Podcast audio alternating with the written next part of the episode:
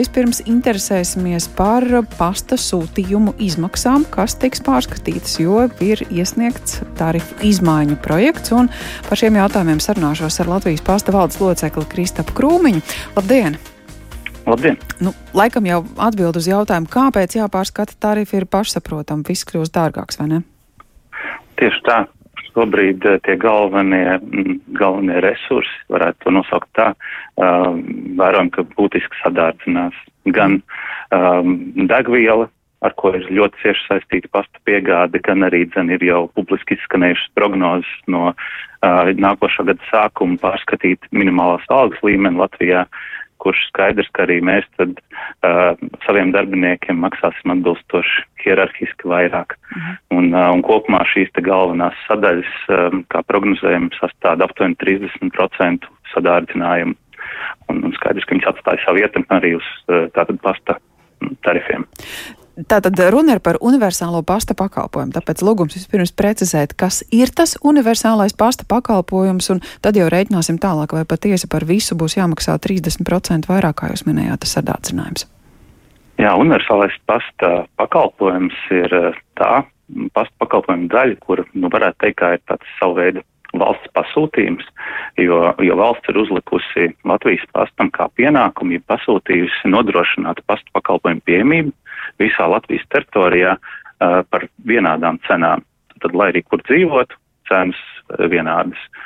Un, un arī, dzen, attiecīgi, pasta pakalpojumu uh, kvalitāte visā valsts teritorijā vienāda. Tā būtu tā pamatbūtība uh, universālajiem pasta pakalpojumam.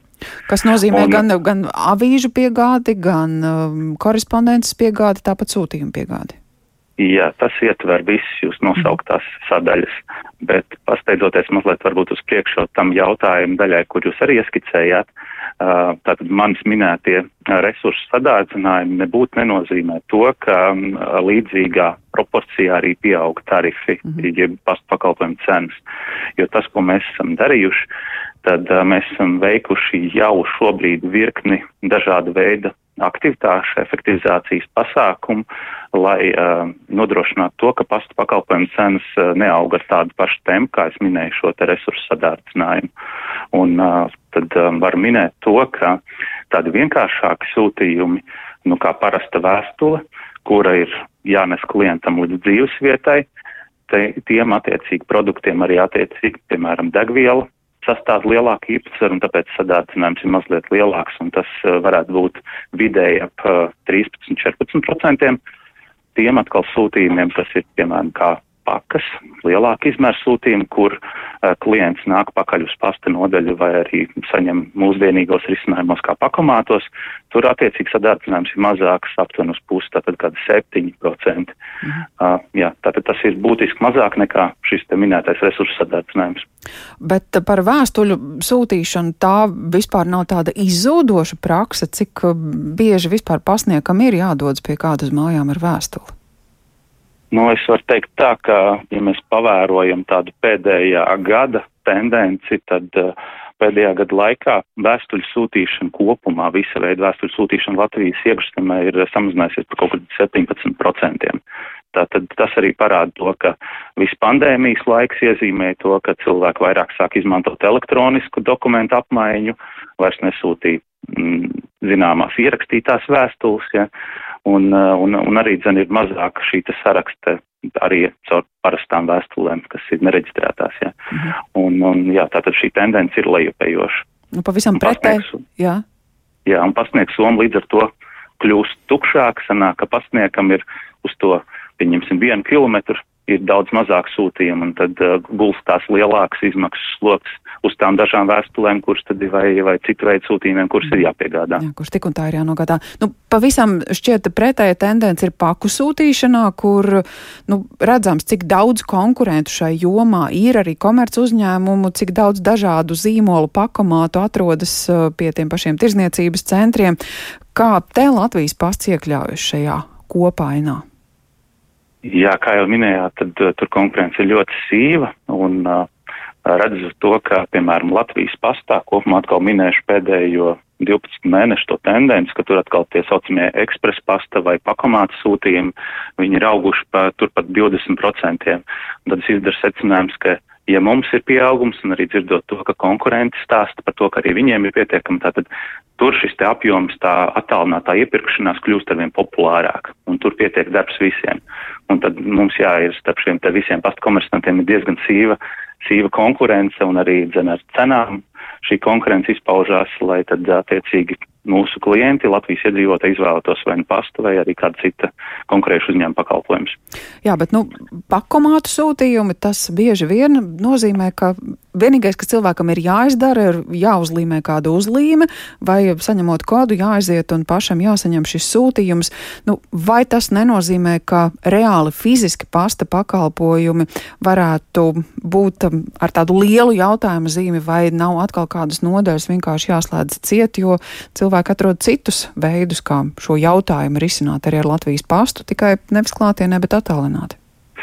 Uh, jā, tā nu, nenoliedzami ir tā pēdējo gadu tendence, ka arvien vairāk cilvēki, klienti izvēlās uh, tātad šos te pakamātu risinājumus, un, un tas arī ir iemesls, ka, ka, kur rezultātā ir iezīmēs, ka īpaši izteikt mazāk apdzīvotās Latvijas teritorijās mēs uh, izvēlamies meklēt citu veidu, kā nodrošināt jau iepriekš pieminētā universālā pakalpojuma funkciju. Un, un tad, tā kā, kā jau sākumā teicu, mums ir pienākums visā Latvijā nodrošināt pakalpojumu pieejamību, tad uh, daudziet mēs izvēlamies nevis sēdēt kādas pastnodaļas telpās un gaidīt, varbūt šodien viens vai divi klienti atnāks uh, nopirkt pastu pakalpojumus, bet mēs izvēlamies veidu tad pie šiem viena vai divu klientiem aizbraukt klātienē. Un tādēļ arī uh, šajos lauka rajonos arvien vairāk izplatās, nu, varētu saukt tādu ceļojošu pasta nodaļas funkciju pildu pastnieks, kurš mm. ierodas pie klienta dzīvesvietā. Kas patiesībā līdz ar to ir arī zināmā mērā sociāla funkcija. Tieši tā, tieši tā, un, un arī zin, ņemot vērā to, ka um, nu jā, klientiem ļoti bieži nokļūt līdz apdzīvotas vietas centram ir izaicinoši, tad, manuprāt, šis arī ir klientam draudzīgs risinājums, ka nav jāmeklē veids, kā nokļūt līdz pastnodaļai, bet mēs atbrauksim pie klienta iepriekš sarunātā tikšanās laikā. Mm -hmm. Nu, un vēl, ja paraugāmies tepat uh, Eiropas mērogā un Eiropas līmenī, kur nu, nenoliedzami tie paši sūtījumi mēdz šķērsot Latvijas robežu, lai nonāktu citās valstīs, un gan jau, ka arī tur jums ir jāatrod kopīgs valodas par rēķiniem, cik kurš pasta pakalpojums sniedzējs kuram maksā. Te izdodas atrast kopīgu valodu, te mēs ar saviem tarifiem esam konkurēt spējīgi un līdztiesīgi. Uh, ir ļoti atšķirīga situācija dažādās valstīs tas, ko šobrīd dara m, mm, daudzi valstu pasti, nevienmēr galamērķu valstī izvēlās nu, tās valsts, nu, tā kā mm, pasta komersantu galveno, līdzīgi kā tas Latvijā Latvijas pasta. Tad mm. arī, piemēram, mēs esam kādās valstīs izvēlējušies, piemēram, kādu alternatīvu pasta komersantu, kā, kā sūtījumu piegādātāju, lai veicinātu to, ka šī te, te cena klientam ir uh, nu, iespējami zemāka un klientam draudzīgāka. Un šādas schēmas notiek attiecīgi arī tad, uh, visos virzienos, uh, gan attiecībā uz Latvijas sūtījumiem no ārzemēm, gan arī, ka mēs sūtam projām no Latvijas sūtījumus. Mm. Tāda konkurence un dažādi veidi, varētu teikt, tāda šaha spēlēšana starp pastiem. Nu jā, mēs šeit Latvijā tātad gaidām sabiedrisko pakalpojumu regulēšanas komisijas slēdzienu. Cik drīz tas būs zināms? Nu, balstoties uz tādu iepriekšējo pieredzi, uh, mēs paredzam, ka šī izskatīšana var aizņemt uh, līdz pusgadam, mm -hmm. un mēs ļoti ceram, ka nu, tādu atbildi mēs iegūsim līdz novembra mēnesim, lai attiecīgi šie tarifi varētu korekti brīdinot klientus mēnesi iepriekš, viņi varētu stāties spēkā ar jaunā gada sākumu pirmo dienu. Paldies par šo stāstījumu Latvijas pārstāvvaldes loceklim Kristapam Krūmiņam. Viņu bijām aicinājuši uz sarunu, lai izzinātu nepieciešamību un plānus no nākamā gada sākuma nedaudz palielināt gan vēstuļu, gan sīkpaku tarifu. Dzīve kļūst dārgāka, un tas viss rezultēs arī šajā tarifu pieauguma nepieciešamībā.